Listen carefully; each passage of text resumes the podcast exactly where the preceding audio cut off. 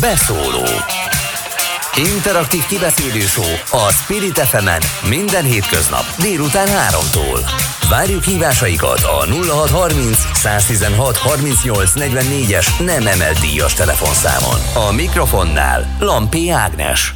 Nagyon kellemes szép délután kívánok mindenkinek, szeretettel köszöntöm Önöket. Kezdjük a mai beszólót. Nagyon érdekes téma lesz, Oroszországgal foglalkozunk, a hadi eseményekkel foglalkozunk, háború kérdésével, de előkerül majd ezzel kapcsolatban az olajembargó kérdése, az esetlegesen elszabaduló energiaárak kérdése, árstop, a menekültekkel is foglalkozunk majd, úgyhogy nagyon-nagyon széles a mai paletta, mindenképpen maradjanak velünk és hallgassanak minket egészen 5 óráig. Ha esetleg van az elhangzottakkal kapcsolatban bármilyen kérdésük, észrevételű gondolatuk, akkor ne habozzanak, hívjanak. 0630 116 38 44 a telefonszámunk. És akkor bele is vágunk a műsorba, méghozzá Jóját Krisztiánnal, az NK Stratégiai Védelmi Kutatóintézetének munkatársával kezdünk. Jó napot kívánok! Jó napot kívánok! És kezdjük akkor orosz-ukrán háború legfrissebb fejleményeivel, eseményeivel. Ugye tegnap volt a győzelem napja, és hát az egész világ tulajdonképpen várta Vladimir Putyin beszédét. Aztán némileg csalódottak voltak az emberek, meg a szakértők is, mert hogy sem győzelmet nem kiáltott ki, meg háborút sem hirdetett hivatalosan. Azt mondom, hogy csalódottak voltunk, ezt természetesen idézőjelben mondtam. Arra céloztam gondoltam csak, hogy sokan egy nagy bejelentést vártak, vagy várhattak esetleg tegnap. Ön hogy értékeli a tegnapi beszédet, és miért maradhatott el a bejelentés, már ha egyáltalán tervezett lehetett az ilyen?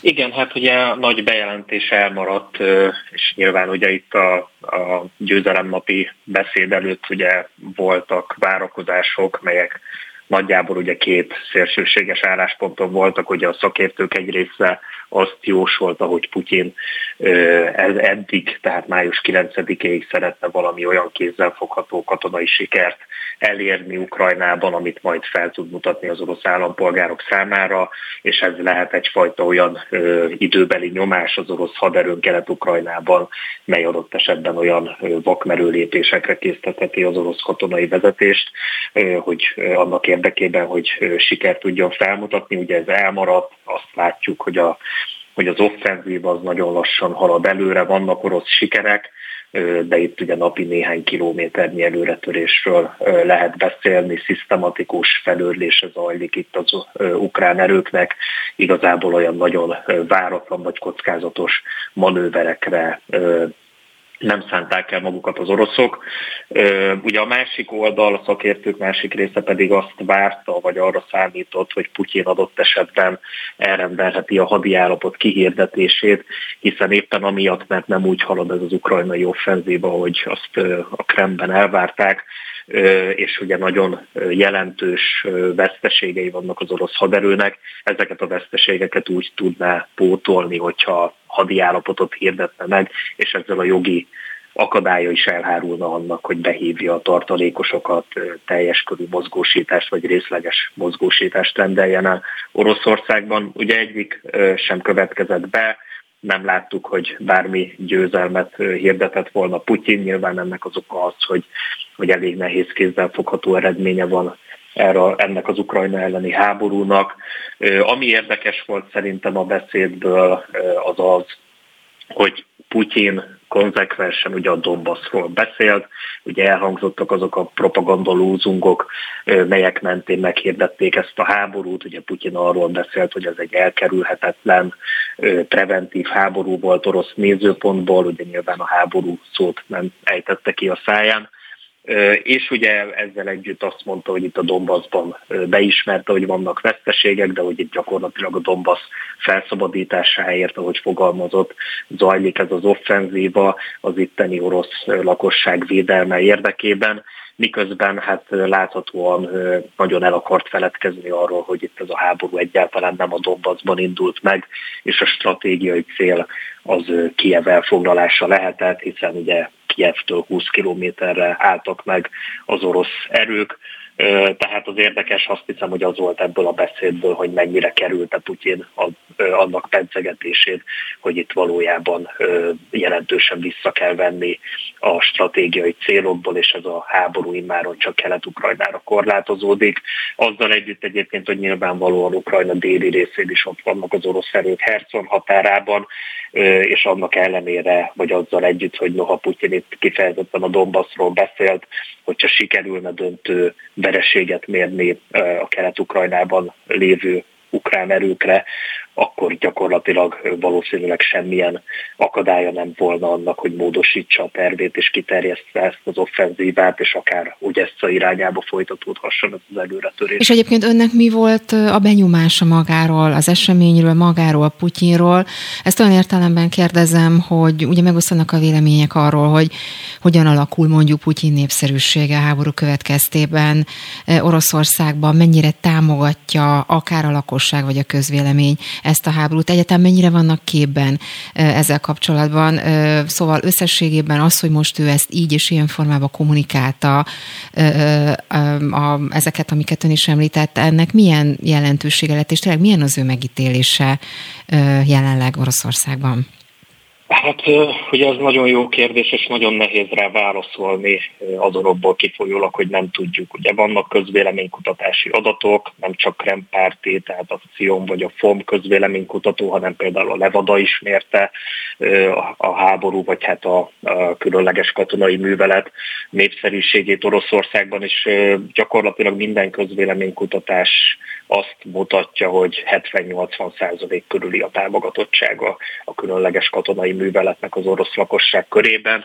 Ugyanakkor ugye orosz szociológusok rámutatnak arra, hogy gyakorlatilag ilyen háborús körülmények között lehetetlen igazából közvéleménykutatást végezni.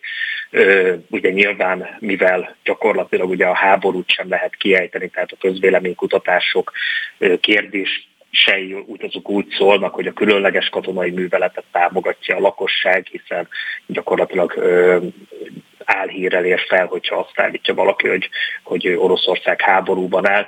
Ez nyilván korlátozza a közvéleménykutatókat is a kérdések megfogalmazásában, és nyilván a válaszadók feje fölött is azért ott lebeg annak a lehetősége, hogy adott esetben őket felelősségre vonhatják, így nyilván biztonságosabb vagy megtagadni a választ a kérdésre, vagy úgy válaszolni, hogy azt a lakosság sejti, hogy a hatalom elvárja tőle másfelől pedig nyilván az az elképesztő propaganda fölény, ami van Oroszországban, gyakorlatilag azt eredményezi, hogy azok a lózunkok, amik elhangzanak a különböző rádió, tévé csatornákban, az az egyszerű emberek fejében úgy áll össze, mint a valóság, és hajlamosak ezt szóról szóra visszaadni egy-egy közvéleménykutatás során is.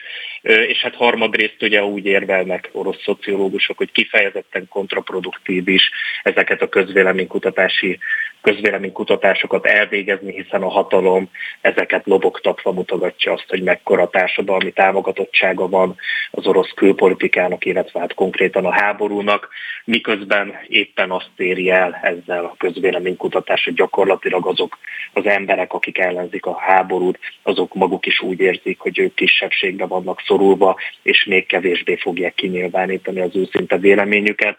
Tehát röviden ugye azt mondhatjuk el, hogy, hogy valójában nem tudjuk, hogy mekkora a támogatottsága ennek a háborúnak, ami itt az orosz propaganda képsorokból kitűnik, ugye itt a győzelem napja kapcsán azt, hogy itt óvodásokat öltöztettek be például harckocsinak vagy repülőgépnek, ugye az obskurus zébetűvel ellátva, hát azt gondolom, hogy az azért érződik, hogy van egyfajta háborús pszichózis Oroszországban, és hát ugye a kérdés azon részét megválaszolva, hogy hogy mit jelent ez a kommunikációban. Ugye itt a média túlsúly miatt gyakorlatilag bármit elmondhat Putyin, és igazából nagyon úgy tűnik, hogy bármit eladhat sikerként az orosz lakosság számára, hiszen maga a háború indításának okát is egészen képtelen állításokkal alapozta meg. Tehát azt hiszem, hogy itt a probléma nem az orosz szempontból, vagy a Krem részéről, hogy a háborút az orosz lakosság számára el tudja adni, hanem sokkal inkább az, hogy a hogy a tágabb orosz elit számára is sikert tudjon kommunikálni. De ugyanakkor nagyon érdekes volt a, a közvetítés során, hogy azt is lehetett látni, ha már itt a propagandát, meg a közvetítés, meg a média túlsúlyról beszéltünk, hogy megtrolkodták ugye a közvetítést például, a, a, mármint a Putyin beszéde körül, közötti, vagy alatti közvetítést, amikor ugye háború ellenes szlogenek jelentek meg a közvetítés alatt élőben. Ez, ez, ez azért elég szokatlan Oroszországban. Igen, és hát ugye azt is láthattuk, hogy itt különböző orosz tévészolgáltató rendszereket tölte, törtek fel, hekkerek, és ugye ott is sikerült azt az üzenetet ugye berakni az orosz tévénézők számára, hogy gyakorlatilag vért tapad a Igen. kezükhöz, hogyha, hogyha támogatják ezt a háborút. Tehát látjuk azt, hogy itt nagyon, van egy nagyon erős információs hadviselés is az ukrán-orosz háború hátterében, és ugye az elmúlt években rendre ugye azt hegyeztük ki, vagy, vagy ugye érzékeltük azt az elképesztő orosz információs befolyást és propaganda nyomulást Magyarországon is, és ezt nyilván a mostani háború kontextusában hatásában is érzékeljük, de ezzel együtt azért az látszik, hogy itt gyakorlatilag ezt a propaganda háborút Oroszország elvesztette, és azok az aktivisták, illetve hekkerek a világ minden tájáról, akik ugye kiállnak Ukrajna mellett, képesek hatékonyan támadni az orosz infrastruktúrát, és például ilyen üzeneteket is elrejteni. És ennek lehet hatása egyébként a, a közvéleményre, vagy ez, ez abban a konkrét médiatúlsúlyban, amiről ön is beszél, ez mérhető? Mérhetetlen, vagy inkább csak egy-egy akciónak tekinthető? Hát nagyon nehéz elképzelni azt, hogyha ugye 22 éve van Putyin hatalmon, és gyakorlatilag ugye 22 éve azt az állami propagandát kapják az orosz nézők, hogy egy-egy ilyen kis magánakcióval majd át lehet őket fordítani, vagy, vagy akár me, hogy megkérdőjeleződik bennük a putyini rezsim támogatása. Ezzel együtt nyilván ezek az akciók fontosak, és fontosak lehetnek abból a szempontból, hogy hogy, hogy igenis felhívják az orosz lakosság figyelmét, és igenis éreztessék velük, és szembesítsék azzal, hogy mit csinál Oroszország Ukrajnában, hiszen egyébként azt halljuk, látjuk az orosz társadalmon belül is, hogy, hogy például magánbeszélgetésekben visszatérő elem az, hogy, hogy hagyjuk, ne beszéljük erről a háborúról, hiszen már nagyon elfáradtunk ebben, és hát nyilván ugye a cél az, hogy nem hagyni, hogy az orosz emberek elfáradjanak ebben, hanem igenis szembesíteni kell őket azzal, hogy milyen politikai vezetés van hatalmon, és még hogyha bármi tehetetlenek is vele szemben, igenis fel kellene lépniük a putyini rendszerrel szemben. Egyébként, ha már így a, a propagandáról beszéltünk, akkor egy ehhez kapcsolódó kérdés, ugye friss hír volt, hogy az ukrán hírszerzés szerint a háborúban elszenvedt, ugye, hogy fogalmaznak katasztrofális vesztességek miatt a Kreml majd megváltoztatja a propaganda üzeneteit, és itt ők arról írnak, vagy azt lehetett olvasni a sajtóban, főleg nemzetközi sajtóban, hogy a Kreml által irányított média úgy kezdi el, vagy kezdte el bemutatni a háborút, mint Moszkva konfrontációját az EU, illetve a NATO tagállamokkal. Tehát, mint hogy a picit kiterjesztette volna mm, ezt a háborút, és ezzel az ukránok szerint egyébként is, és hangsúlyozom, hogy az ukránok szerint már igyekeznek felkészíteni az orosz embereket arra, hogy egy esetleges vereség is elképzelhető. Ez mennyire reális egyáltalán ez a helyzetértékelés? Hát abszolút elképzelhető. Ugye orosz szempontból ugye nyilvánvalóan, és ezt kommunikálja az orosz propaganda is, ez nem egy ukrán-orosz háború, hanem gyakorlatilag egy, egy Ukrajna felett vívott proxy háború a nyugat, a NATO, az Egyesült Államok és Oroszország között.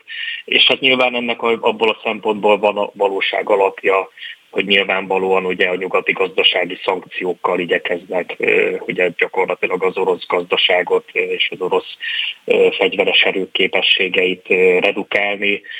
Nyilván van nagyon jelentős katonai segítségnyújtás Ukrajnának, hírszerzési támogatás, illetve konkrét haditechnikai szállítmányok formájában.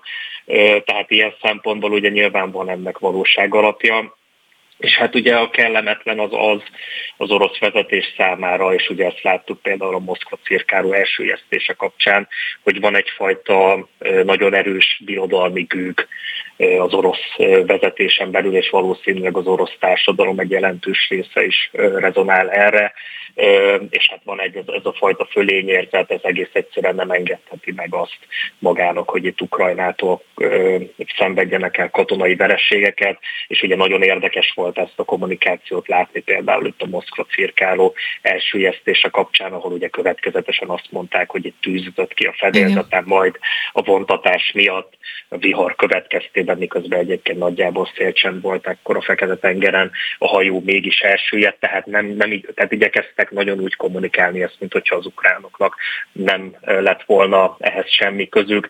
Azzal együtt, hogy így nyilván a másik alternatíva az az, hogy saját hanyagságból és, és emberi hiba miatt süllyedt el a Moszkva cirkáról, de még láthatóan ez is elfogadhatóbb volt az orosz propaganda számára, mint az, hogy egész egyszerűen itt az ukránok olyan képességekkel rendelkeznek, hogy adott esetben a fekete tengeri flotta zászlós hajóját képesek elsüllyeszteni.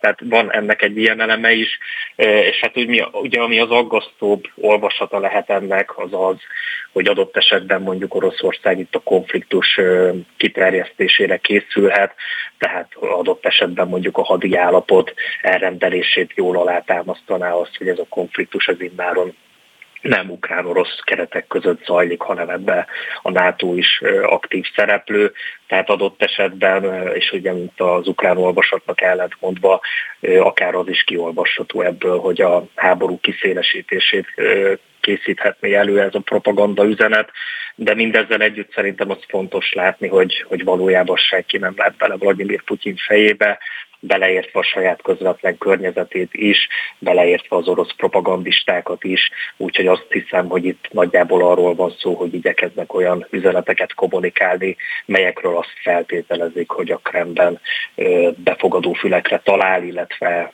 hátba veregetik őket ezekért az üzenetekért, miközben valójában ők sem tudják azt, hogy mi a következő lépés. Egyébként, ha már itt a háború kiterjesztésének a gondolata vagy, vagy előkerült, ugye itt a másik oldalon pedig az is előkerül, hogy Ukrajna pedig az USA műveleti területe, ugye, hogy itt fogalmaznak, vagy az USA proxiálma. Tehát a másik oldal is megvan, és mind a kettő megjelenik a különböző hát propaganda felületeken. Így van, abszolút. Tehát nyilván az orosz propaganda célja az az, hogy egyszerre akár egymásnak ellentmondó információkat, narratívákat is futtatnak. Ugye itt magával a háború kitörésével kapcsolatban, és azt hiszem, hogy egy elég nagy kacsmaszt sikerült megalkotniuk a, az oroszoknak, és ugye ezt most Putyin fel is mondta ezen a győzelmi napi beszéde során. Tehát itt ugye volt szó a, a, az ukrán fasisztákról, banderistákról, volt szó arról, hogy a nyugat fegyvereket telepítenek erre Ukrajnába, vagy hogy az ukránok atomfegyver kifejlesztésére törekszenek, és ugye ezekkel együtt pedig azt hirdetik, hogy itt a cél az a, az itteni a Dombaszi orosz anyanyelvűek orosz etnikumnak a védelme, egyedül azzal maradnak adósak, hogy pontosan miként szolgálja az orosz lakosság védelmét az, hogy szintiszta orosz városokat bombáznak porig, beleértve Mariupolt. Uh-huh. Még egy kérdés így a végére. Nyilván sokakat foglalkoztat, sokat beszélünk arról, hogy vajon melyik hír lehet igaz, vagy melyik lehet álhír. Putyin betegségével kapcsolatban is nagyon-nagyon sok hír jelenik meg, és hát tényleg régóta folynak találgatások arról, hogy milyen az ő egészségi állapota, mennyire romlik az egészsége, és például itt a, a beszédével kapcsolatban, már mint a győzelmi napi beszédével kapcsolatban olyan hírek is jelentek, meg biztosan is találkozott vele, hogy egy hatalmas, nehéz takaróval ült.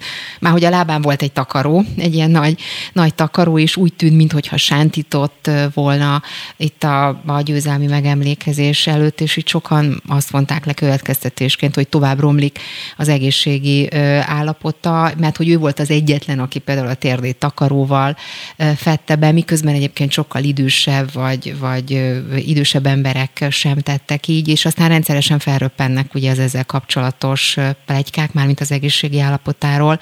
Mennyire ad hitelt például az ilyen típusú híreknek? Egyáltalán lehet-e ilyesmiről beszélni? Hát azt hiszem, hogy egészen a közelmúltig én nem igazán adtam ezeknek hitelt, azonban néhány hónappal ezelőtt volt egy elég komoly oroszok nyomozó újságírók által írt cikk és egy elég komoly kutatómunka áll emögött. Egyébként teljesen nyilvános forrásokból gyakorlatilag megírták azt, hogy mi az az orvos stáb, mely Putyint minden külföldi és hazai útjára elkíséri nagyjából egy ilyen 8-11 fős orvos csapat kíséri mindenhová az orosz elnököt, és hogy közülük kik azok az orvosok, akik egyébként privát célra is, tehát hogyha például Putyin a, a Szocsi Fekete-tengeri villájában tölti az idejét, akkor kik azok az orvosok, akik külön ellátogatnak hozzá, és kik teszik ezt leggyakrabban, és ebből az a kép rajzolódik ki, tekintettel arra, hogy itt egy fülorgégész specialista, aki a leggyakrabban látja Putyint, aki pedig második leggyakrabban látogatja Putyint, az egy onkológus sebész, így a kutatók azt a következtetést vonják le ebből, hogy Putyinnak elképzelhető, hogy pajzsmirigyrákja lehet. Ugye a sántítás az szintén egy olyan jelensége Putyinnak, ami ugye már évtizedek óta ismer.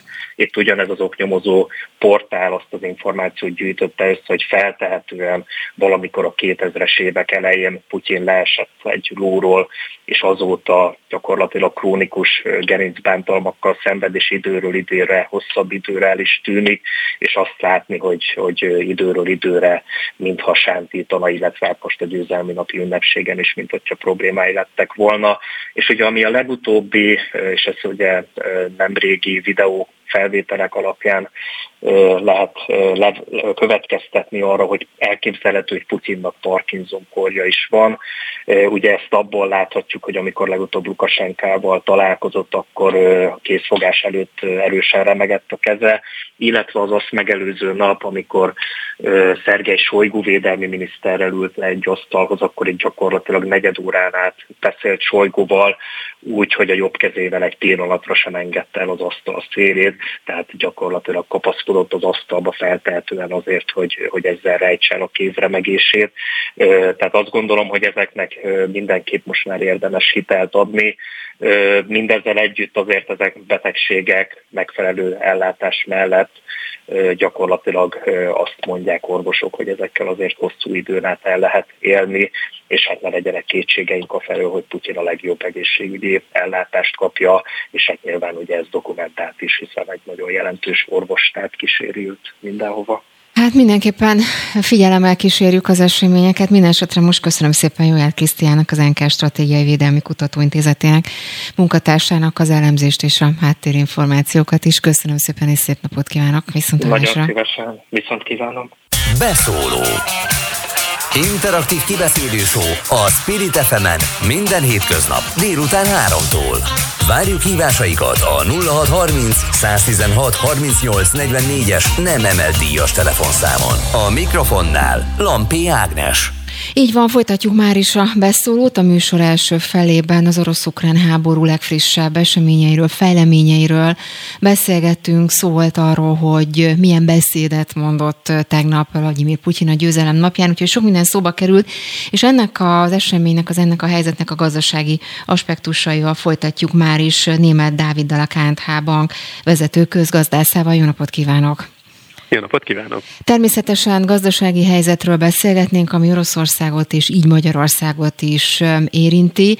Ugye az, hogy most Magyarországon évtizedek óta nem látott csúcson van mondjuk az infláció, egyre nagyobb, egyre súlyosabb a pénzromlás mértéke, egyre drágábban tudunk bevásárolni a boltban. Ez ilyen értelemben nyilván nincs közvetlen összefüggésben az orosz-ukrán helyzettel, de azért a kapcsolat természetesen fennáll, ugye itt a rezsicsökkentéssel és egyéb gazdasági gazdasági tényezők vonatkozásában. Szóval van összefüggés, lehet összefüggés, és mire számíthatunk, hogy látja? Egyértelműen van összefüggés a két esemény között, bár ezek a folyamatok másokkal korábban elindultak, akár több évre visszamenőleg le lehet vezetni, hogy mik lehettek azok a gazdaságpolitikai döntések, mind Magyarországon, mind a világon, amik elindították a inflációnak a fölpörgését, de ebbe belejött még a Covid, mi az már önmagában az ellátási ráncokat megakasztotta, sérült emiatt, és rájött a háború, ahol szintén egy csomó alapanyaggyártás emiatt nem zajlik olyan ütemben, ahogy arra mondjuk az iparnak vagy a mezőgazdaságnak szüksége van. És ezek mind-mind még inkább fölsrófolják az árakat, arról nem beszélve, hogy van egy bizonytalanság is, és a bizonytalanság az általában nem kedvez az áraknak, mindenki óvatosabb, fél a jövőtől, és azt látszódik most a piacon, hogy, hogy a koronavírus alatt, meg előtte is azért a háztartások Európában és Magyarországon is jobban meg tudtak takarítani, tehát volt egy erős vásárló erő, és azt érzékelik a szereplők, hogy a mostani áremeléseket azt jobban át lehet hárítani a fogyasztókra, és ezt egyelőre meg is teszik. Itt a nagy kérdés az, hogy ezt meddig lehet megtenni, mikor fogy el a, a lakosságnak a vásárló ereje, akár itt a napi fogyasztási cikkekre, ha gondolunk, az élelmiszertől kezdve a, a különböző alapműszaki e, cikkeken keresztül a szolgáltatásokig, de a nagyobb beruházásoknál is, mint például mondjuk egy építkezésre, meddig van e, fedezete a háztartásoknak, mikor lesz akkor a havi törlesztő részlete az új hitel, hiteleknek, hogy ez már nem fér bele. Úgyhogy Egyelőre azt látjuk, hogy elindult ez az áthárítás, valószínűleg látni fogunk egy profit tartalom csökkentést is, már nem sokára csökkenést a vállalatoknál, és hát ezután sajnos átcsaphat akár egy gazdasági lassulásba, vagy hát rosszabb esetben egy nagyobb recesszióba. És egyébként ez mitől, mitől függ? Hát ugye említette, hogy tényleg valóban mindenki azon, azon spekulál most, hogy meddig lehet ezt vinni, ezt a folyamatot, meddig bírja a lakosság ezt, és tényleg, hogy ön is említett, említette, hát itt az ember bemegy a boltba és, és bevásárol, hát azt látja, hogy mindennek nagyon-nagyon-nagyon fölment az ára, és folyamatosan emelkedik, ugye erről jelentek meg már adatok, kimutatások, hogy, hogy minek, minek milyen mértékben emelkedett az ára, itt most élelmiszerekre gondolok elsősorban. Szóval, hogy meddig bírja ezt a lakosság, egyáltalán meddig lehet bírni, van ennek határa például? Ezt most még nehéz megmondani, hogy meddig bírja a lakosság, és hát nagyon nagy különbség is van az egyes háztartások jövedelmi helyzetében. Itt, amit hosszú távon lehet nézni, hogy egyáltalán hogy alakul a lakosságnak vagy egy háztartásnak a nettó reál keresete, hiszen ameddig az árnövekedéssel nagyjából összhangban nő a bére is, és ezáltal a vásárló ereje nem csökken, addig ez nem feltétlen jelent akadályt. Ettől még kialakul egy folyamatosan nagyon magas inflációs környezet, ami nem jó, mert ugye ez is például a megtakarításokra negatívan hat, hiszen az elértéktelenedik, tehát semmiképpen nem jó egy magas inflációt föntartani, eh, vissza kéne ezt minden inkább eh, szorítani a 2-3 százalék körüli tartományba, de ha, ha legalább van bérnövekedés, akkor egy darabig még a gazdaság nem esik össze. Egy idő után, miután nagyon magas az infláció, akkor mindig szorik, megszorítania kell a jegybanknak, a költségvetésnek, és egy idő után ez óhatatlanul egy gazdasági lassulásba és egy recesszióba e, csap. De hogy ez mikor jön ezen a pont, ezt még nem látjuk pontosan. Azt látjuk, hogy a jegybankok és a kormányok azon dolgoznak most, hogy ne egy nagy gazdasági válság kerekedjen ki belőle, hanem csak egy gazdasági lassulás, és azzal vészeljük át ezt a magas inflációs környezetet. Meglátjuk, hogy van ennek még realitása, vagy, vagy ettől már elkéstünk. Az államnak akkor mondjuk ebben a helyzetben nem is kérdés, hogy be kell avatkoznia ilyenkor a folyamatokba. Itt most ter- természetesen az ástoppokra gondolok, vagy egyéb más módszerekre, amivel mondjuk a folyamatokat, hát hogy mondjam, befolyásolnia kell? Hát mindenképpen fontos, hogy beavatkozzanak, hiszen Ugye az egyik fontos eleme egy infláció alakulásának, egy egyáltalán a, a társadalom mit gondol az inflációs környezetről. Itt nem csak a lakosság, hanem minden gazdasági szereplő. Tehát vannak olyan kimutatások például, hogy a, megkérde, a vállalatokat megkérdezték, hogy terveznek-e áremelést a következő időszakban, és 80-90 százalék a vállalatoknak azzal számol, hogy igen, árat fog emelni, tervezi az áremelést. Tehát ha már kialakul egy ilyen környezet, hogy mindenki a magasabb árakra, áremelésre számít, akkor egy inflációs spirál, egy magas inflációs várakozás alakul ki, amit utána nagyon nehéz letérni. Tehát ezért érdemes a jegybanknak is kommunikálni, hogy igen, ő vissza fogja szorítani az inflációt az inflációs célhoz, ami 3% a kormánynak is, amíg van lehetőség és mozgástere, és nem nem teszi tönkre a gazdaságot, addig érdemes beavatkozni és segíteni azt, hogy az infláció az átmenetig legyen, és hogy ezek a kiugrások ezek minél laposabbak legyenek, hiszen hogyha ezeket tudjuk fékezni, akkor tényleg a jövőbeli inflációs várakozásokat is le tudjuk szorítani, ami már fél siker az infláció elleni küzdelemben. Ugye arról beszélgettünk az elején, hogy nem lehet kikerülni azt a helyzetet, ami most az orosz-ukrán háború miatt kialakult. Most első elsősorban a gazdasági szempontokra, szempontokra utalnék. Nyilvánvalóan Magyarország pici ország nagyon-nagyon kitett a, arra, az, azon, tehát nagyon-nagyon kitett a, a világ, vagy akár az Európán belüli gazdasági mozgásokra. Itt ugye arról sokan azt találgatják, hogy meddig bírja, vagy bírhatja Oroszország a szankciókat, az esetleges olajembargót, vagy ha ez megvalósul, akkor talál-e magának mondjuk másik piacot, vagy más piacot a világ más részében, és akkor ez a megoldás sem jöhet elő. Szóval ön hogy látja a mozgásokat, hogy itt lehet-e bármilyen konszolidáció a közeljövőben? Érdemes ketté választani a katonait és a gazdaságit, mert attól, hogy esetleg lesz egy katonai valamilyen béke vagy fegyverszünet, az nem jelenti feltétlen azt, hogy gazdasági fronton elmozdulás lesz. E, itt az a probléma, hogy, hogy mit szeretnénk elérni ezekkel a gazdasági szankciókkal. Alapvetően azt Európa meg nyugati világ, hogy Oroszország kivonuljon azokról a területekről, ahova 2000 2014 óta bevonult, meg az az elmúlt hónapokban.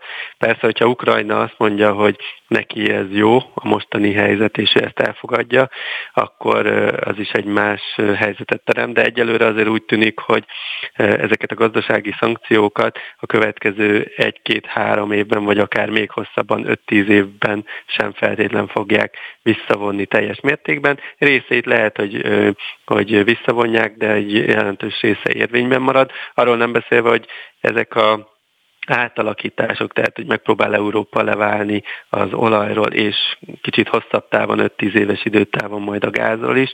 Ezek olyan strukturális változások, ami mindenképpen átalakítja egész Európának, és így Magyarországnak is akár az energiabeszerzésnek a költségét, vagy más alapanyagoknak a költségét. De bocsánat, hogy szába ez, ez reális egyébként? Tehát az reális, hogy előbb-utóbb leválhat Magyarország, vagy akár egész Európa az olasz olajról, aztán hosszú távon távon a, a gázon, mert ugye ez is a fő kérdés, és a magyar hát kifejezés, ugye, amit Orbán Viktor például használt, az, hogy ez egy atombomba lenne jelenleg legalábbis Magyarország számára, már mint az, hogy lecsatlakozna az orosz olajról és gázról. Ez mennyire reális, és egyáltalán elképzelhető az, hogy lecsatlakozzon valamikor, valamilyen formában?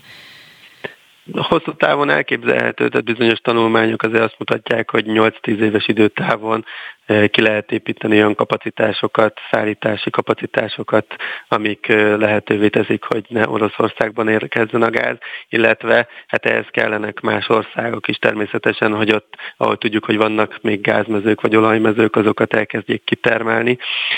Az viszont már egy másik kérdés, hogy ha létre is jön az lecsatlakozás, az lehet, hogy sokkal drágább lesz, mint az orosz energia hordozók voltak. Tehát ilyen szempontból ez egy többletköltség Európának és Magyarországnak, ami egy verseny hátrány, mondjuk egy olyan régióval szemben, ahol még mindig olcsóbban áll rendelkezésre energia. És itt fölmerül majd a kérdés, hogy hol lehet ezt behozni esetleg más hatékonyságjavuláson. Úgyhogy itt egyik dolog, hogy milyen időtávon lehet ezt megvalósítani, ugye az se rövid időszak, a másik, hogy milyen áron lehet ezt megvalósítani.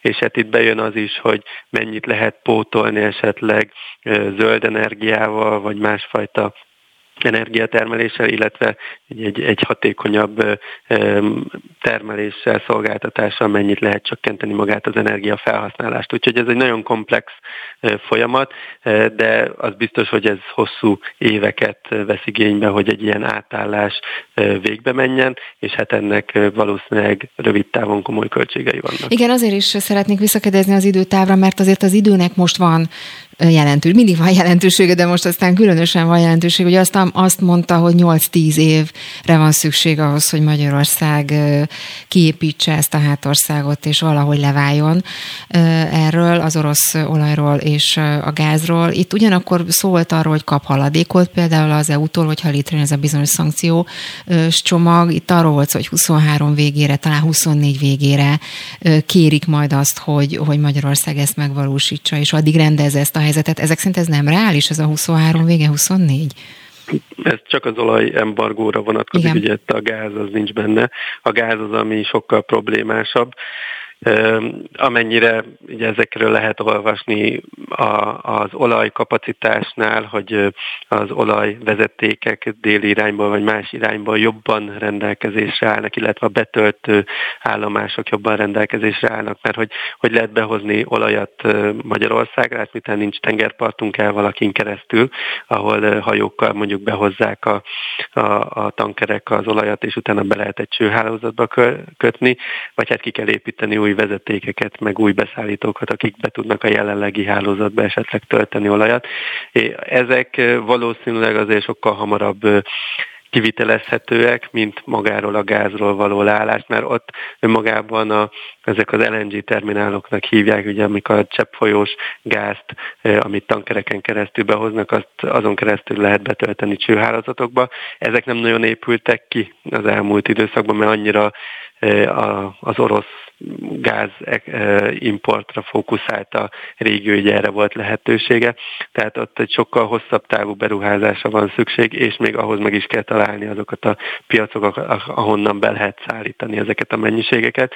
Itt azt is körbe kell nézni, és ez egy nagyon hosszú folyamat és munka, és ezen nyilván dolgozik minden ország, hogy melyik a jelenlegi gáz és olajkitermelők közül kinek van fölös kapacitása, vagy kinek milyen hosszú távú szerződései vannak a partnerei felé, hiszen ezek mind-mind szűk keresztmetszetek, hogy rövid távon hogyan lehet energiahordozókat beszerezni. Úgyhogy ez, ezek mind nehezítik azt, hogy itt pár éven belül teljes leállás következzen be, de mondom az olaj esetében azért nagyobb a rugalmas rugalmasság, mint a gáz esetében. Hát ahogy itt hallgattam, azért van tennivaló bőven. Tehát, hogy egy nagyon-nagyon-nagyon komoly és nagyon összetett folyamatról van szó. Minden esetre köszönöm szépen az elemzést Német Dávidnak, a KNH Bank vezető közgazdászának, és szerintem biztos vagyok benne, hogy folytatjuk még. Köszönöm szépen ennek. Köszönöm szépen. Viszont hallásra.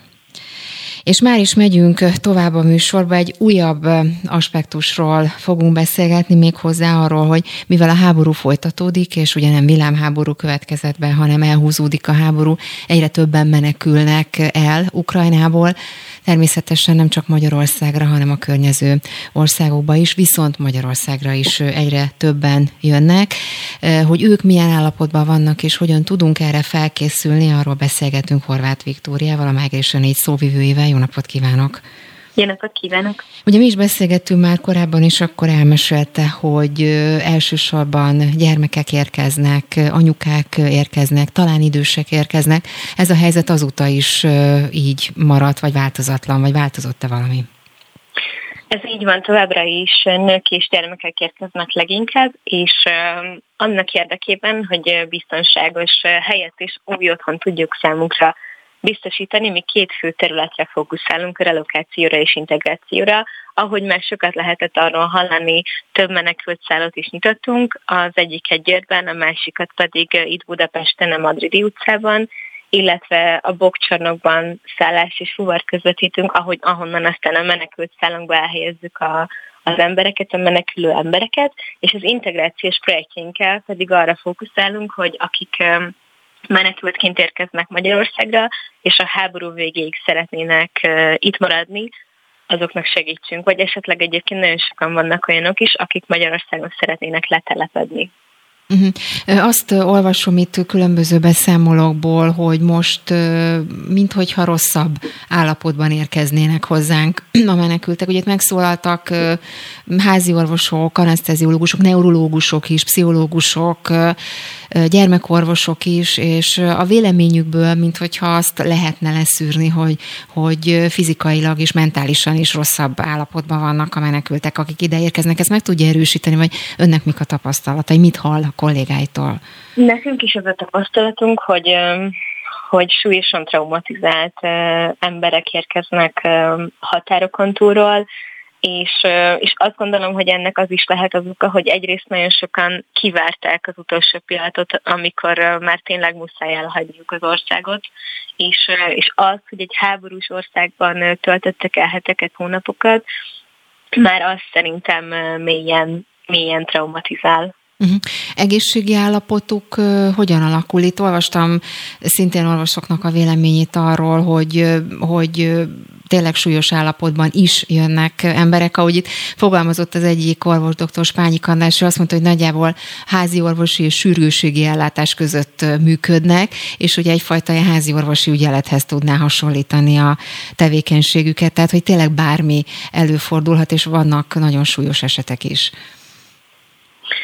Igen, nagyon sokan szorulnak orvosi ellátásra, és emiatt a, a mazsidi menekültszállon is folyamatos orvosi ellátást biztosítunk, együttműködő partnereinkkel, illetve az új projektünk, a Learning Without Borders gyermekfelügyeleti projekt során is van, van egy orvosi szoba, ahol hogyha bárkinek szüksége lenne orvosi segítségre, akkor, akkor ezt megkaphatja a helyben.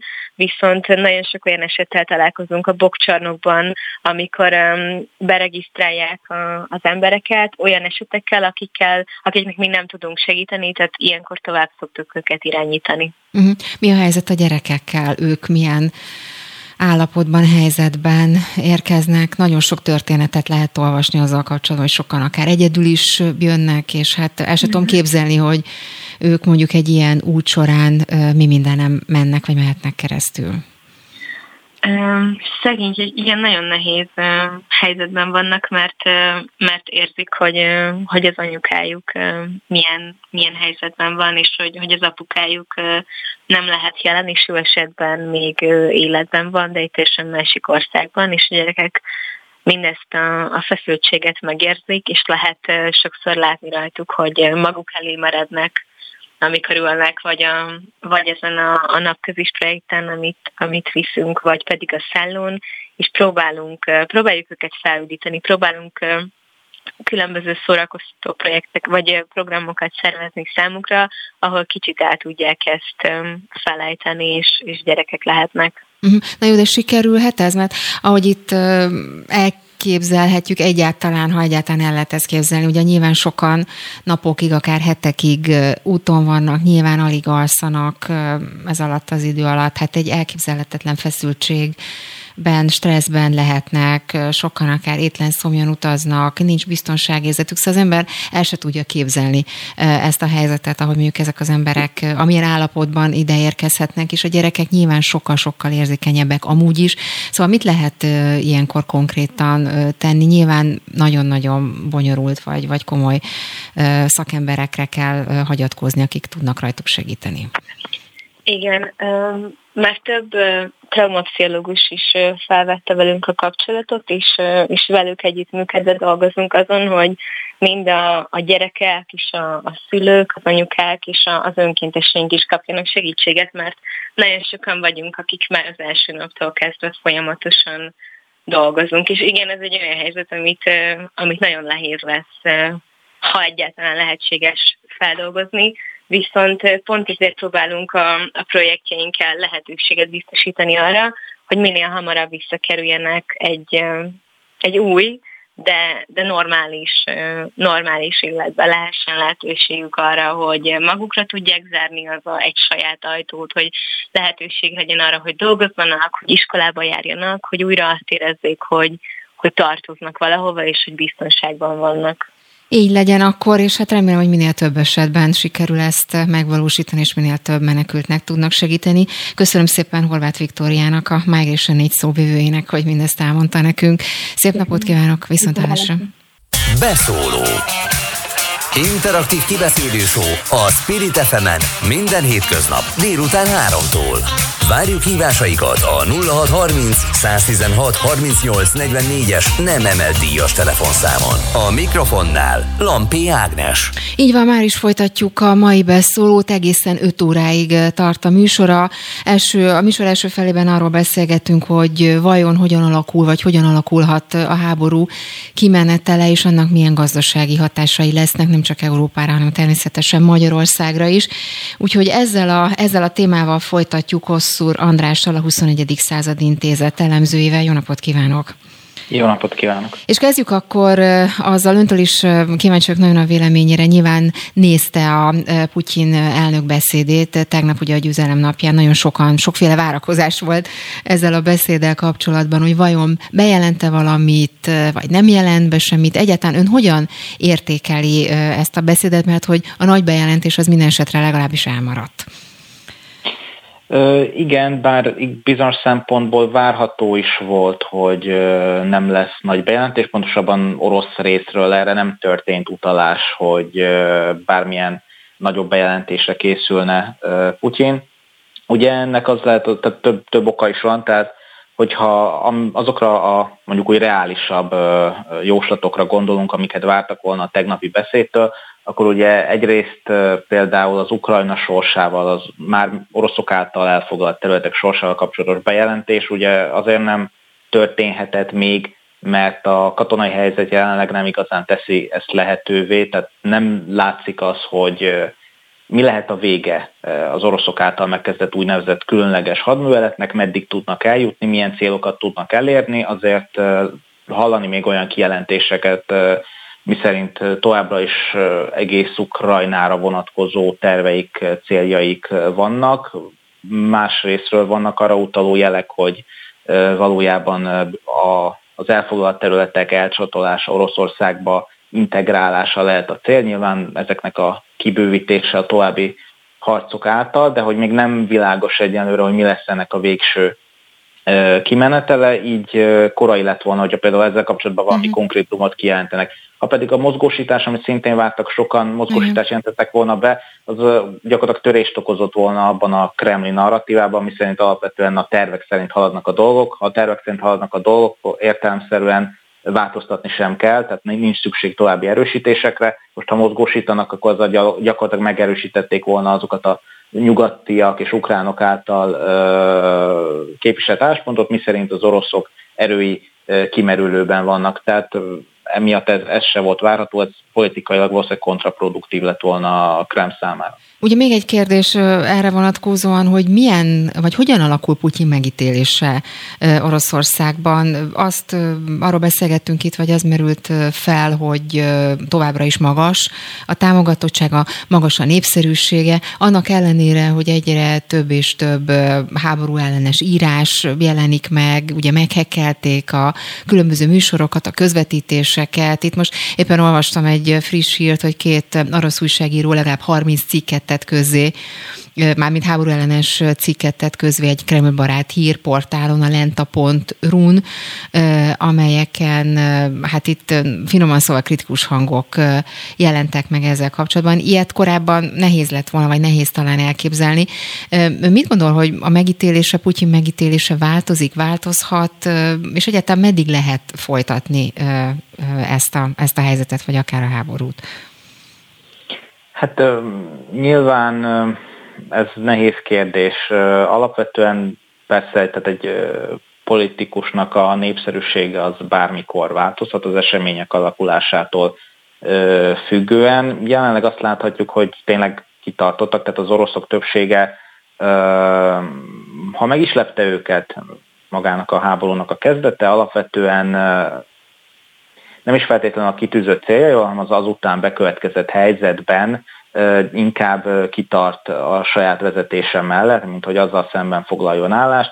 Ennek ugye az alapvetően a nyugattal szembeni bizalmatlanság lehet talán leginkább az oka, aminek ugye történelmi tapasztalatok, akár a 90-es éveknek a tapasztalatai azok, amelyek közeljátszanak ebben, és a társadalomban ezek eléggé mélyen gyökeret vertek, nyilván a Kreml is igyekezett ezeket erősíteni, tehát van a nyugattal szemben egy alapvető bizalmatlanság, és azt láthatjuk, hogy mivel a nyugat teljes merszélességgel beállt Ukrajna mögé, és ráadásul egy gyakorlatilag válogatás nélkül elkezdték alkalmazni a szankciókat, tehát ugye nem csak az orosz vezetés stratégiai ágazatok, vagy orosz oligarchák ellen történtek szankciók, hanem egészen ilyen abszurditásig menően, tehát sportolókat zárnak ki, macskákat zárnak ki, macska kiállításokról, meg fákat, különböző fákra kiírt versenyekről, tehát, tehát tényleg ilyen abszurd szintig jutnak el.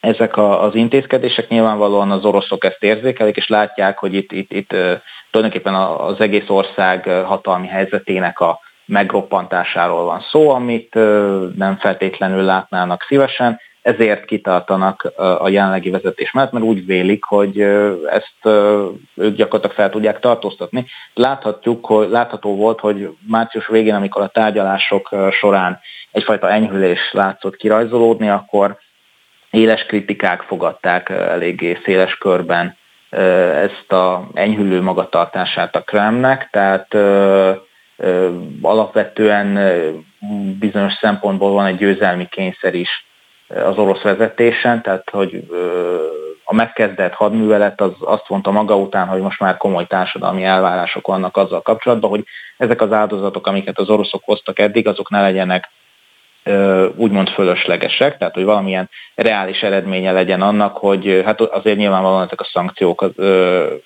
sokaknak okoztak kellemetlenséget Oroszországban is. Úgy ugye gyakran ír ezzel a helyzettel kapcsolatban, és szoktam mindig olvasni az írásait, és a legfrissebb írásában azt, azt elemzi, ami egy érdekes aspektus, és talán kevesebbet beszélünk róla, ugye, hogy azt írja, hogy a hasztéri küzdelmek mellett emlékezett politikai csatározás is zajlik az orosz-ukrán háború hátterében, és hogy annak járt utána, hogy ez hogyan zajlik, mert hogy az ukrán ért orosz támadás kezdete óta, ahogy ön is írja, az ukrán kormánycsapatok által ellenőrzött területeken valóságos emlékműbontási hullám vette kezdetét, és ugye ennek nagyon érdekes következményei lehetnek. Erre, erre szeretném, hogyha reagálna, mert itt nyilván az emlékezett politikának, a történelemnek és nagyon-nagyon sok aspektusnak van súlya jelentősége, hogy ennek milyen következménye lehetnek, és ez hogy zajlik, hogy kell ezt elképzelnünk?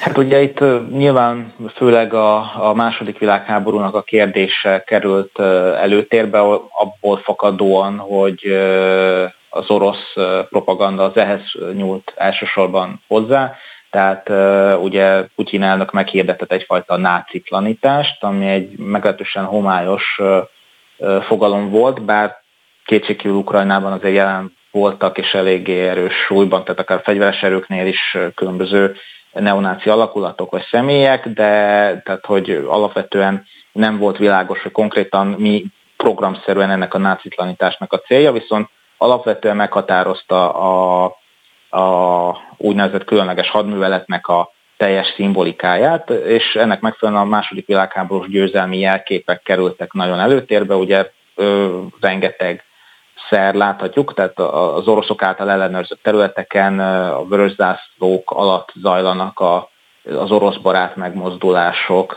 Most május 9-én több városban, egyébként Herszonban, Enerhodárban, más helyeken is voltak szintén tehát a megemlékező felvonulások, tehát az orosz akciókhoz, tehát van egy halhatatlan ezred nevű felvonulás sorozat, amit minden éven lezajlik, ez Moszkvában is óriási tömegeket mozgatott meg, és ezt most Ukrajnában is gyakorlatilag megszervezték, és azokon a területeken, ahol, amelyeken az oroszok ellenőriznek.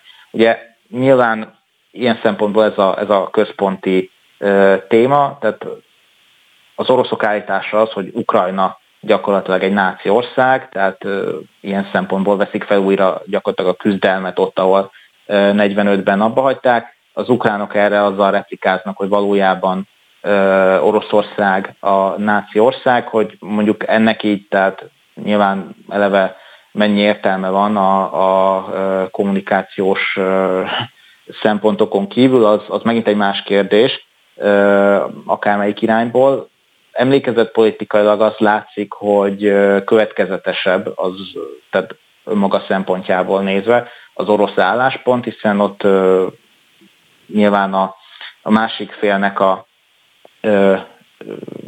mondjuk úgy összenácizása, az, az folyamatosan párhuzamosan zajlik a második világháborúban aratott győzelemnek a, az ünneplése, annak hangsúlyozásával. Na már most másik oldalról nézve az ukránok viszont az elmúlt években folyamatosan azon munkálkodtak, hogy a második világháborút valamelyest átértékeljék, ugye olyan tehát tulajdonképpen azt állították, hogy Ukrajna valójában nem a győztes oldalon állt, hanem lényegében egy német megszállásba, egy szovjet megszállásba csöppent, felelevenítették azoknak a, a, a nacionalista szervezeteknek a, az emlékezetét, amelyek együttműködtek egyébként a németekkel is egy időben, aztán persze azok ellen is az ukránok szerint harcot kezdtek, viszont a szovjetek ellen is harcoltak, tehát hogy ilyen mindkét oldal ellen küzdő harmadik utas megoldást képviseltek, tehát, de alapvetően kollaboráltak a németekkel. Tehát, hogy ezekkel pedig nehéz összeegyeztetni azt, hogy ők gyakorlatilag a második világháború győzteseinek a, az örökösei. Ugye ez mhm. látszik, hogy egyfajta emlékezett politikai meghasonláshoz is vezetett az ukrán társadalomban. Most ha hihetünk persze a legutóbbi már javában a háború alatt lezajlott kérdőíves felméréseknek, akkor az ukránok többsége úgy véli, hogy Ukrajna minden országnál többet tett a második világháborúban aratott győzelemért. Ennek ellenére úgy vélik, hogy május, tehát hogy, hogy ezt, tehát a győzelmet nem ünnepelni kell, hanem annak a lezárását inkább az emlékezés napjának kell tekinteni, tehát látszik itt egyfajta következetlenség. Ilyen szempontból emlékezett politika nem, nem, nem annyira koherens az ukrán álláspont. Mondom, hogy ennek egyébként, hogy a valós helyzethez mennyi köze van, az megint egy más kérdés, az, hogy ilyen szempontból a tegnapi nap az inkább egy orosz kommunikációs siker volt, talán az első nagyobb orosz kommunikációs siker ebben a háborúban, mert a, a kommunikációs hadviselés frontját azért az ukránok és nyugatiak eddig, eddig dominálták az, azt én, én úgy látom, hogy most nem fordult ez meg, de hogy egy sikert már elkönyvelhetnek legalábbis az Az minden esetre látszik, és az nagyon-nagyon fontos, és jó, hogy ezt végig tudtuk beszélni, hogy ön itt az írás sem, hogy harc zajlik a történelemért is, meg az emlékezett politikai, emlékezett politika síkján is azért komoly küzdelem zajlik. Úgyhogy köszönöm szépen, hogy erről is tudtunk beszélni Kosztor Andrásnak, a 21. század intézet elemzőjének. Viszont hallásra minden jót! Viszont hallásra! És folytassuk már is, méghozzá egy újabb aspektussal. Itt van velünk Méhes Martina, ő az Energiaklub ügyvezetője és szakmai igazgatója. Jó napot kívánok!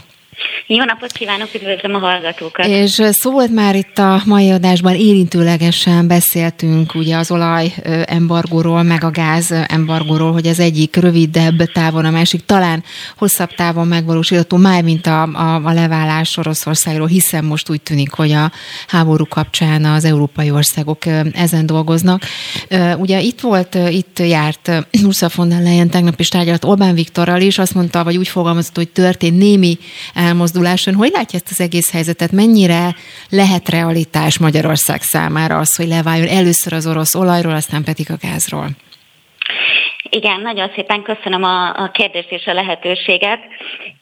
Az elmúlt napok történéseivel, különösen az elnökasszony látogatásával kapcsolatban is, hogy az olajembargóval és az egyéb ugye az Oroszországtól való energetikai függetlenedés, ugye mit, miket tárgyaltak, ugye erről kevésbé szeretnék spekulálni, én inkább szeretném azt az oldalát megvilágítani, hogy mi az, amit hazánk egyébként önállóan is képes mondjuk a megfelelő források átcsoportosításával, illetve mik azok az Európai Uniós források, amik, amik egyébként eddig is elérhetőek voltak, és, és ezután is számíthatunk ezekre. De visszatérve a, a kérdésére, én, én azt gondolom, és azt szerintem fontos látni, hogy, és ezt most tényleg így, így elméleti síkon, hogy nyilvánvalóan az Európai Uniónak sem lehet érdeke az, hogy hazánkat mondjuk teljes mértékben ellehetetlenítse mondjuk az energiabiztonságunk, tehát az energiaellátásunkban, hiszen hogyha összeomlik az ország gazdasága, ugye az, az, az senkinek nem előnyös, nyilván nekünk semmiképpen. Tehát, hogy én biztos vagyok benne, hogy a a, a miniszterelnök úr is és az elnök asszony is alapvetően ugyanazokat az érdekeket szeretnék érvényesíteni, Nyilván von der Leyen elnökasszonynak nyilván az az érdeke, hogy, hogy Oroszországtól mielőbb független egyen, ugye főleg ez a közép-kelet-európai régió, de abban is biztos vagyok, hogy hogy a magyar kormány is mindenképpen a, a mi érdekeinket próbálja képviselni.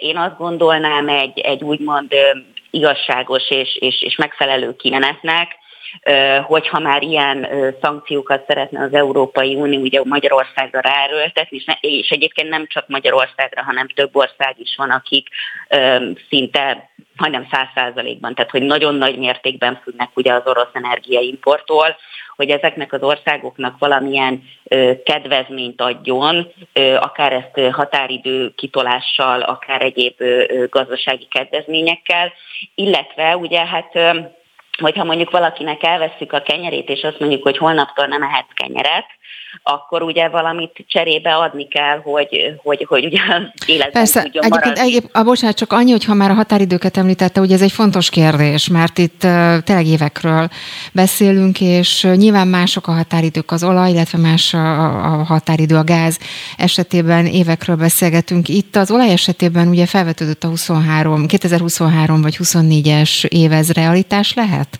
ön szerint? Mármint halasztásnak? Uh, az olajjal kapcsolatban ugye az főleg a, a, az ipari termelésnél, tehát az ipar működtetéséhez ugye a leges legfontosabb.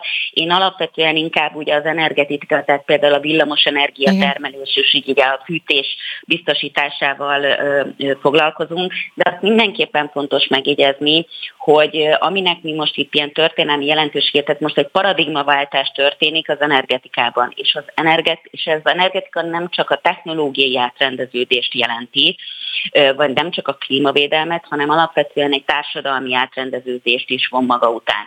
És egy ilyen folyamat a történelmünk során ezt már láthattuk egyébként ugye a, a, az iparosodásnál például, amikor a gőzmozdonyokat elkezdik használni, tehát hogy ezek több évtizedekig tartanak. Tehát hogy, hogy nyilván most ugye már a klímavédelmi céloknál is kiderült az, hogy hogy idézőjelben már elkéstünk, tehát hogy, hogy nagyon nagy a motiváció, de ugyanakkor meg az is látszódik, hogy az elmúlt tíz évben óriási előrelépéseket tettünk, nyilván relatíve, mondjuk száz évhez viszonyítva, vagy mondjuk az 1960-as évek óta tudjuk ugye a klímaváltozás következményeit, és ahhoz képest az elmúlt tíz évben óriási változásokat. Tehát az látható, hogy ha megvan a politikai akarat, akkor egyébként ezeket a az energetikai vagy társadalmi átrendeződéseket, ezeket, ezeket lehet ösztönözni. És szerintem az a fontos, hogy, hogy, hogy ezekre a lehetőségekre koncentráljunk, és arra, ami szerintem szintén egy óriási probléma, hogyha arra figyel mondjuk a, a, a döntéshozó is, hogy gyorsan, most mint egy ilyen septapaszokkal próbáljuk meg ugye a lyukakat betömködni, hogy emellett nem szabad a hosszú távú céljainkat figyelmen kívül hagyni, vagy, vagy valamilyen hátrányba. Tehát itt gondolok például akkor a megújuló energiás beruházásokra, gondolok itt az energiahatékonysági fejlesztésekre, én attól semmiképpen nem tartok, hogy Magyarországon valamilyen nagyon súlyos energiaválság lépne föl. Én bízom abban egyébként, hogy, hogy mind az Európai Unió részéről, mind a magyar kormány részéről is meg fognak történni azok a a, a megállapodások, amik ezt előre segítik. Egyébként, bocsánat, hogy csak úgy említette, hogy nem tart attól, hogy energiaválság lehessen. Ezt nagyfokú energiaválság. Nagyfokú energiaválság, oké. Okay.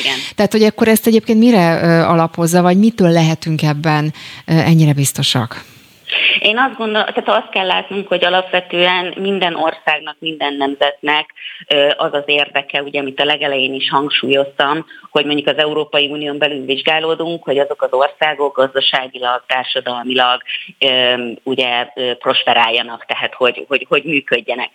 És, és ezért gondolom azt, hogy az Európai Unió is, hiszen eddig is óriási forrásokat biztosított egyébként az utóbbi évtizedben is fejlesztésekre, tehát biztos vagyok benne, hogy, hogy, hogy ezek meg fognak maradni, ha csak nem erősödnek. Nyilván azt én sem tudom, hogy a, hogy a magyar kormánynak milyen kitételei lesznek, abban biztos vagyok, hogy az viszont a magyar kormánynak, a mindenkori magyar kormánynak a, a felelőssége, hogy sajnos amilyen energetikai stratégiákat 10-15 évvel ezelőtt elindítottak, és ezek lehet, hogy akkor jó döntésnek számítottak, itt konkrétan arra gondolok, hogy a magyar energiastratégiának három nagy pillére van tulajdonképpen, az orosz atomenergia, az orosz földgázimport és ugye a napenergiás beruházások, és ez lehet, hogy annó ez, ez, egy, ez egy jó forgatókönyvnek számított, de azt viszont, az viszont óriási hiba, hogyha, hogyha nem veszük észre, hogy a világ változott, és változik napról napra, illetve hogy a technológia is az elmúlt tíz évben óriási fejlődésen ment keresztül,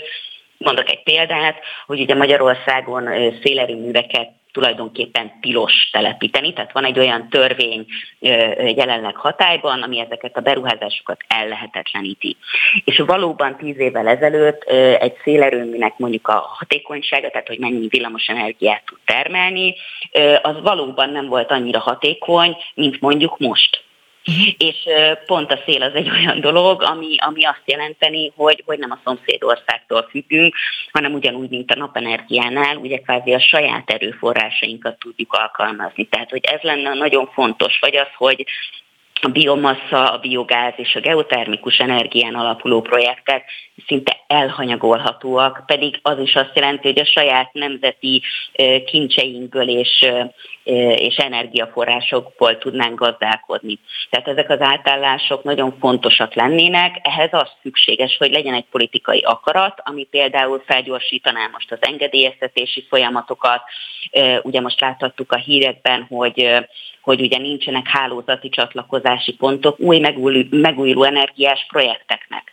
Tehát, hogyha most valaki szeretne egy új megújuló energiás projektet, akkor nem tudna rácsatlakozni a villamosenergia hálózatunkra, mert nincs hely. Tehát, hogy a mhm. hálózatfejlesztés az most, hogyha egy top 3-as listám lenne, hogy mit kellene csinálni első körben, akkor ez lenne az egyik, és amit egyébként akár a, a, a, a lakosság is tud egyébként csinálni, tehát hogyha nem akarok mindig csak itt a kormányzatokról beszélni. Mi is tegyünk hogy valamit, igen, ebben igen, hogy amit mi magunk is tudunk csinálni, azok például ugye az energiahatékonysági fejlesztések, és ez például az Energiaklubban van egy európai finanszírozású projektünk, amivel egy tanácsadó iroda hálózatot hoztunk létre, mert léteznek is ilyen irodák, ez a Renopont energetikai felújítási tanácsadó hálózat, ami kifejezetten azt segíti, hogy az emberek bemennek egy irodába, ahol minden szükséges információt egy lakás, egy ház felújításához meg tudnak kapni, és ebben tényleg az elejétől a végig, végig tudjuk őket uh-huh. segíteni. És ez is egy európai finanszírozás például, ami, ami ezeket előre tudja segíteni. Hát biztos, hogy rengeteg, rengeteg, rengeteg mindent kell tennünk, meg hát a trendekre odafigyelni, ahogy ön is mondta, és, és odafigyelni, hogy hogyan tudunk változtatni. Nagyon-nagyon szépen köszönöm Méhes Martinának, az Energiaklub ügyvezetőjének és szakmai igazgatójának az elemzést és a háttérinformációkat. Köszönöm szépen önnek. Nagyon szépen köszönöm, kellemes délután. Köszönöm, köszönöm. viszont hallásra. Beszóló Interaktív kibeszélő a Spirit fm minden hétköznap délután 3-tól. Várjuk hívásaikat a 0630 116 38 44-es nem emelt díjas telefonszámon. A mikrofonnál Lampi Ágnes. Így van, folytatjuk a beszólót egészen 5 óráig. Oroszországról beszélgettünk ma, természetesen az orosz-ukrán háborúról. Ennek a gazdasági aspektusairól, hogy mindennek milyen hatása lehet, akár a világgazdaságra, és természetesen Magyarországra is.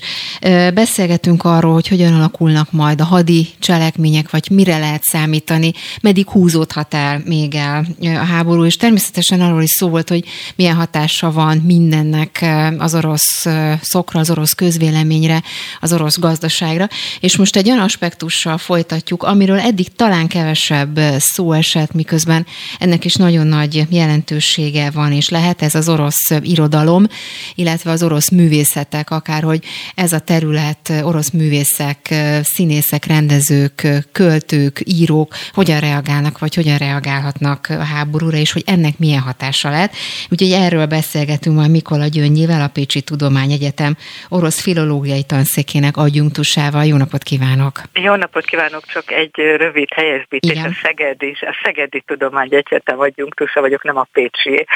Elnézést kérek, akkor Semmi tegyük gond. helyre. Csak korrekten, valóban teljesen igaza van, úgyhogy akkor Szeged, Szeged, Szeged is. igen. A többi az rendben volt, remélem. Az rendben, igen, igen. Oké. Okay. Na szóval, hogy tényleg erről az aspektusról talán kevesebbet beszélünk, miközben egy hatalmas, egy elképesztő nagy irodalomról van szó, és hát az orosz irodalmi élet ugye mindig is pesget. Nem tudom, hogy most hogy látja, hogy egyáltalán ez a helyzet, ami most kialakult Oroszországban, ez milyen hatással van, akár a közvélemény, vagy tényleg a művészekre, művészekre, írókra, költőkre? Katasztrofális hatással van, úgy gondolom, hogy mindenre, tehát a művészetre is azt szokták mondani, ugye, hogy milyen borzasztó, hogy most a nyugati olvasók elfordulnak az oroszoktól, hogy kitiltják őket a fesztiválokról, és hogy ez, ez, ez sokak szerint nagyon helytelen. Ugyanakkor azonban szerintem látni kell, hogy az orosz kultúrára pillanatnyilag a legnagyobb csapást azt Vladimir Putyin méri, aki Ukrajnában elpusztítja az orosz nyelvű városokat, a, a közös, tehát a, a közös orosz-ukrán épített örökséget, művészeti örökséget, e, tehát, hogy az első számú faktor ebben mindenképpen Putyin. A, azok az írók, akik, akik a akik ellenzik a háborút, ők már elég nagy részben korábban is külföldön éltek, vagy, vagy ilyen kétlaki életet folytattak, tehát például Vladimir Szorokin, ő a félig az év egyik felét Berlinben tölti, a másik felét Moszkvában, Moszkva melletti házában. Tehát a sikeres íróknak sikerült kialakítani egy ilyen kétlaki életet, ugye kiadják őket nyugaton is, és, és nagyon sokan közülük a legtöbb az, akit én, én szeretek, vagy én sokra tartok, ők mindjárt az első nap elhatárolták magukat a háborútól, fölemelték a szavukat. A, ami a, például ami a filmet illet, ugye uh-huh. másik Igen. nagy, nagy ágazata az orosz kultúrának, tehát ott is gyakorlatilag megszűnt a nyugati filmek behozatala, tehát például a Netflix is kivonult Oroszországból, és ami ennél ugye nagyobb baj, hogy nyilván a szankciók is nagyon súlyosan fogják érinteni a filmművészetet, de ez megint nem a szankciók hibája, hanem ez annak a politikának a hibája, amelyik ide eljuttatta az országot. Az, az, az egyik legnevesebb orosz filmrendező, Kirill Szerebrenyikov is elhagyta például az országot, ő most Berlinben van, de ő neki olyan nagy a nemzetközi reputációja, hogy őt tárkalokkal várják bármelyik európai színházba. Uh-huh. Ugyanígy a, a, a legjobb producerek, a legjobb színészek, ők, ők tudnak külföldön is dolgozni. Nagyon-nagyon sokan elmentek, és itt a média elit tagjai is, tehát a, az egyik legnagyobb énekesnő, ugye, akit az idősebb generáció biztos jól ismer, Alla Pugacsova, ő például Izraelbe ment el a, a férjével, őt megfosztották az összes díjától és kitüntetésétől, azok, azoktól is, amiket Oroszországba kapott, tehát, hogy, vagy a Szovjetunióba kapott. Uh-huh. Tehát, hogy ez is mutatja, hogy, hogy a legkisebb ellenállás, bárki, aki felszólal a rendszer ellen, mindegy, hogy milyen érdemeket tulajdonítunk neki, vagy milyen eredményeket ért el, vagy mennyire népszerű, mennyire tehetséges, csak az számít, csak is a lojalitás, a totális lojalitás. Uh-huh. Úgyhogy igen. Csak azt akartam közben kérdezni, mert elgondolkoztam azon, amit mondott, hogyha tényleg ennyien nyilván elmennek, vagy ott hagyják Oroszországot, akkor tulajdonképpen akik maradnak, azokra egyrészt hogy tekintünk, másrészt pedig nekik lehet-e bármilyen mozgásterük ilyen értelemben, mert ahogy ön is mondta, azért lehet ezeknek súlya jelentősége, hiszen nagy nevű művészekről beszélünk.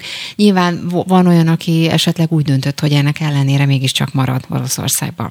Ó, természetesen vannak rendszerhű művészek is, akik például fölléptek Putyin mellett a Luzsnyiki stadionban tartott ünnepségen, ugye, amikor a Krím visszafoglalását ünnepelték, tehát mind a két oldali művészeket találunk, és ezek között, akik Putyin mellett vannak, akik nyilvánosan támogatják, ezek mellett, ő mellettük is, vagy ők is egyébként nagyon tehetségesek, tehát köztük is vannak világklasszisok. Az egyik ilyen leghíresebb történet, ez Vladimir Maskov, aki a 90-es években az orosz mozi szexszimbóluma volt, dolgozott egyébként Amerikába is az orosz rendszerváltás után, Tom Cruise-zal például Robert De Niroval, de az amerikai karrierje nem igazán indult be, mert mindig az a rossz oroszok szerepét kapta, meg nem is tudott annyira angolul, tehát ugye ez is egy, egy akadály volt, de egyébként nagyon, nagyon nagy véleménye volt az amerikai moziról, viszont aztán visszatért Oroszországba, és Oroszországba hatalmas sztár lett, ma az egyik vezető színháznak az igazgatója, és ő már elég régóta, tehát nem most a háború ideje, de korábban is már támogatta Putyint. És valószínűleg ő meggyőződésből, tehát nem mindenki lelkiismeretlenségből, vagy csak a pénzért. Van, aki hisz ebben, amit a Putyin képvisel, vagy pedig a kombináció, tehát nagyon sok pénzt ölt Putyin abba, hogy megnyerje a legjobb művészeket, vagy maga mellett tudja, hogy őt támogassák. Tehát sok ilyen művész is van, akik hát valahogy nem akarnak szembenézni ennek a politikának a következményeivel. És azért említem a Maskovot, mert az ő lánya Amerikában él, a félig ukrán származású férjével, zongoraművész férjével, és a, a, a szintén színésznő, a Maria Maskova, és ő a CNN-en adott egy interjút, amiben, amiben elhatárolódott az édesapja által képviselt mm. állásponttól. Nyilvánosan azóta az egyik orosz újságíró készített vele egy egy interjút, ami 6, millió néze, 6 milliós nézettséget ért el a YouTube csatornáján. Tehát ez a történet azért rendkívül tragikus és fájdalmas, mert azt mutatja, hogy hogyan szakít szét családokat egyébként egymás szerető embereket ez uh-huh. a mhm. háború.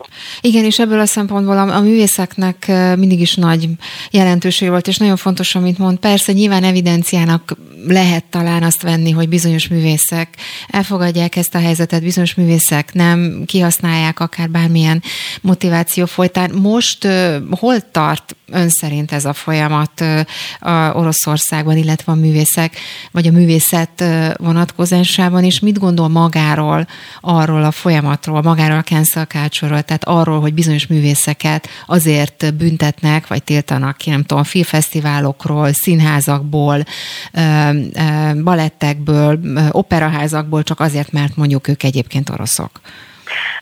Ez nem egészen így van, tehát általában azokat tiltják ki, akik Putyin pártiak, tehát akikről mm. lehet tudni, hogy ezt a rezsimet támogatják. Tehát, hogy ez, ez, ez se egy ilyen egyértelmű, minden eset más. De például ugye, hogy a filmfesztiválon nem hívják meg az Igen. oroszokat, ugye, tehát itt ezek a filmek az Orosz Föderáció támogatásával készülnek. Ugye nagy kérdés az, hogy, hogy a, a politika, vagy hogy a, a művészet mennyire üzlet mennyire gazdasági kérdés, mennyire lehet a művészetet kivenni mondjuk a gazdasági szankciókból. Sokan szeretik azt gondolni, hogy a művészet az valami olyan szféra, amit nem érint a politika, miközben tudjuk, hogy ez, ez nem így van. Tehát, tehát egyrészt azt gondolom, hogy tehát én azokkal a művészekkel, írókkal értek egyet, ilyenek is vannak szép számok, például Boris Akunyin, aki nálunk is ismert, nagyon sok krimiét lefordították, inkább mint krimi szerző ismert nálunk, de világszerte nagyon népszerű. Ő például ugye azt mondta, hogy amíg Oroszország nem néz szembe a birodalmi múltjával, amíg ezt ezt föl nem dolgozzák, amíg el nem engedik ezt a birodalmi tudatot, addig, addig Oroszországra semmilyen jövő nem vár és ezt a munkát, ezt nyilván nem csak a politikának kell elvégezni, hanem a művészetnek is. Tehát én úgy gondolom, hogy föl lehet vetni az egy jogos kérdés a művészet bőrészességének a kérdése. De ezt a kérdést nem lehet általánosítani. Uh-huh. Tehát most már olyan hangok is vannak, hogy visszamenőleg is nézzük meg ennek a nyomait és, és az orosz irodalomban, és akkor megjelennek olyan értelmezések, amik elképesztően primitivizálják például Tolstoy műveit. Tehát ilyen is van most már, ezt, ezt is lehet látni. Gondolom ez elmúlik. Tehát most van egy ilyen információs háború is, és, és, és vannak olyan hangok, akik mind az egész orosz, orosz irodalmat, az egész orosz kultúrát igyekeznek diszkreditálni. És azt mhm. mondják, hogy az egész orosz kultúra felelős azért. Ez nem igaz, de egyenként meg lehet vizsgálni, ez egy fontos szempont. Tehát magát egyébként a cancel culture mint olyat akkor egyénekre lebontva kell, vagy érdemes nézni? Tehát magát az egész jelenséget akkor önmagában mondjuk nem tartja helyesnek, de úgy igen, hogy mondjuk egyéni hozzáállás és szemlélet alapján én érdemes erről dönteni? Semmilyen módon nem tartom semmilyen jónak módon. a cancel. Uh-huh. Én megmondom miért. Tehát amikor én tanítom Puskint, akkor, és mondjuk tanult, tanítom a Kaukázusi Fogoly című poémáját, ez egy nagyon szép poéma, az orosz fiatalember beleszeret egy cserkeszt lányba, és a lány, hogy megmentse ezt az orosz foglyot, beleöli magát a folyóba, csak hogy ez a fiú elmenekülhessen. Nagyon szép történet. De a végén van egy utolsó, amiben Puskin arra biztatja az orosz tábornokokat, hogy mint a fekete pestés pusztítsák végig a kaukázusi törzseket, a hegylakókat. Most ez a mai szemmel nézve, ez egy imperialista, rasszista, elfogadhatatlan álláspont. Csak hogy ez a 19. század első fele, amikor nem az orosz birodalom volt az egyetlen gyarmatbirodalom, tehát a Nagy-Britannia is gyarmatbirodalom volt, vagy Franciaország. De Látni kell, hogy Puskinnak vagy Lermontovnak voltak ilyen gondolatai, meg kell érteni, hogy ezek mibe gyökereztek. Tehát, hogy ezt nem kell elhallgatni, hogy ezt erről is be kell számolni. Be kell számolni Dostoyevsky antiszemita, rasszista nézeteiről a publicisztikájában. De ez nem azt jelenti, hogy, hogy ne olvassuk el a bűn és bűnhődést. Ugye? Mm. Tehát, tehát hogy, hogy be kell számolni mindenről, meg kell tanítani a diákokat, kritikusan olvasni. Azzal, hogy, hogy, hogy egyszerűen kitöröljük azt, akinél a legkisebb nyomát is látjuk, ezzel gyakorlatilag megszüntetjük a kultúrát, megszüntetjük a beszédet, megszüntetjük, megszüntetjük az értelmes párbeszédet, tehát gyakorlatilag más, nem csinálunk mást, ugye, mint Putyin. Tehát, hogy a végén eljutunk oda, hogy, hogy, uh-huh. hogy nem akarunk tudni, csak arról akarunk tudni a múltból, a kultúrából, ami nekünk tetszik. Most én azt mondom, hogy ezt nem mazsolázhatjuk ki, tehát, tehát hogy erre az árnyalt megközelítésre szükség van. De mondom még egyszer, tehát igenis fel lehet vetni a, a művészet felelősségét. Ez egy értelmes kiinduló pont. Mondjuk ebből a szempontból, amit említ, ez a fajta árnyalt megközelítés, ez valóban nagyon-nagyon fontos, csak nyilván egy háborús kommunikációban nem, pont nem az árnyaltság az a szempont, ami nyilván előtérbe kerül, ugye ott nagyon leegyszerűsödnek sokszor az üzenetek, és ez talán a művészetre is igaz, úgyhogy ebben a háborús helyzetben, mert a háborús kommunikációban vagy kontextusban talán nagyon-nagyon másként másként jönnek elő ezek a szempontok, mint amiket Abszolút. ön említett? Abszolút. Tehát amikor háború van, akkor minden fekete-fehérré válik. Tehát, tehát én úgy gondolom, hogy az ukránoknak most minden okuk megvan rá, hogy gyűlöljék az oroszokat egyenként és összességében is. Tehát ez olyan mély sebetűt Putyin hadserege az ukránokon, amit van olyan kollégám, aki azt mondja, hogy 50-100 év vég se fogják megbocsátani. Mm. Tehát, tehát itt egyértelműen, úgy gondolom, hogy egyértelműen állást kell foglalni, hogy, hogy ki hol áll, vagy hogy mondjam, tehát minden fekete-fehér lesz, minden fekete-fehér lesz. Tehát teljesen világos, hogy itt Ukrajna az áldozat, teljesen világos, hogy ki kit támadott meg, teljesen világos, hogy milyen tömeggyilkosságok történtek, és így tovább. Tehát ezt nem lehet relativizálni, úgy gondolom.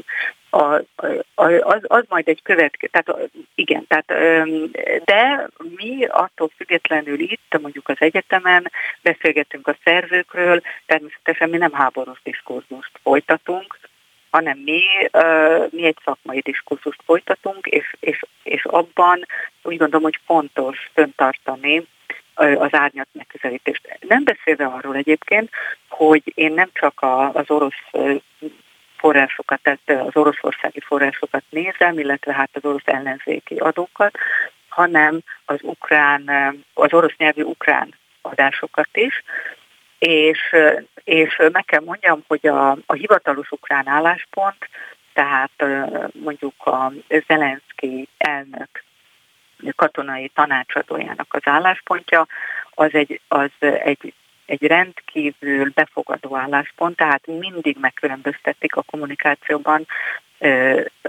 az orosz vezetés, Putyint, a putyini politikát, és az orosz népet. Tehát, hogy ott uh-huh. ezt nem mossák egybe, és pedig háború van, és mégis például Alexei Arestovics, a, a, az elnöki hivatal katonai tanácsolója és szóvizője, ő talán a legkevésbé agresszíven beszél mindazok közül, akiket szoktam hallgatni, és számomra az is kiderült, hogy őnek egy nagyon nagy műveltsége van, ő, neki van egy ilyen kulturális oktató csatornája is, ahol például részletesen elemzi a Trugacki fivéreknek a Piknik az Árokparton című regényét, amely alapján egyébként Tarkovsky a Stalkert uh-huh. rendezte. Tehát, hogy ő neki abszolút mély ismeretei vannak az orosz kultúráról, ugye az anyanyelve is orosz, és nekem nagyon tetszett az, hogy a Ramadán utolsó napján ő Facebook üzenetében köszöntötte Ukrajna muzulmán eh, vallású polgárait, és különösen azokat, akik harcolnak a hadseregbe, vagy az ukrán hadseregbe. Tehát, hogy, el, tehát, hogy itt van egy nagyon felvilágosult, nagyon európai, nagyon toleráns álláspont, miközben zajlik a háború. Tehát, hogy mhm. ezek a hangok sem halkultak el, illetve nekem ez egy nagyon-nagyon pozitív dolog, hogy, hogy a, az ukrán vezetésben egy, egy ilyen integratív hang jelenik meg. Tehát Egyébként, nagyon nagyobb. Igen? Igen, egy, ugye az előbb említette, és ez, ez is egy nagyon fontos szempont, az a fajta birodalmi múlt, vagy birodalmi tudat, ami Oroszországban jelenleg is létezik. Ugye sokan próbálják találgatni, megérteni, hogy mi lehet egyáltalán Putyinnak a szándéka, mit szeretne elérni. Ugye most már gazdasági szankciók, kulturális szankciók, pénzügyi szankciók, mindenféle szankciót próbálnak meg Oroszország ellen meghozni. Olaj embargóról szól van, gázembargóról, ez nyilván teljesen tisztában van vele, és ugye mégis megy tovább ez a gőzhenger, és akkor most ugye talán nem ez a legjobb szóra, hogy gőzhenger, de hogy a háború megy, megy, megy, és úgy tűnik, hogy még elég sokáig húzódik is.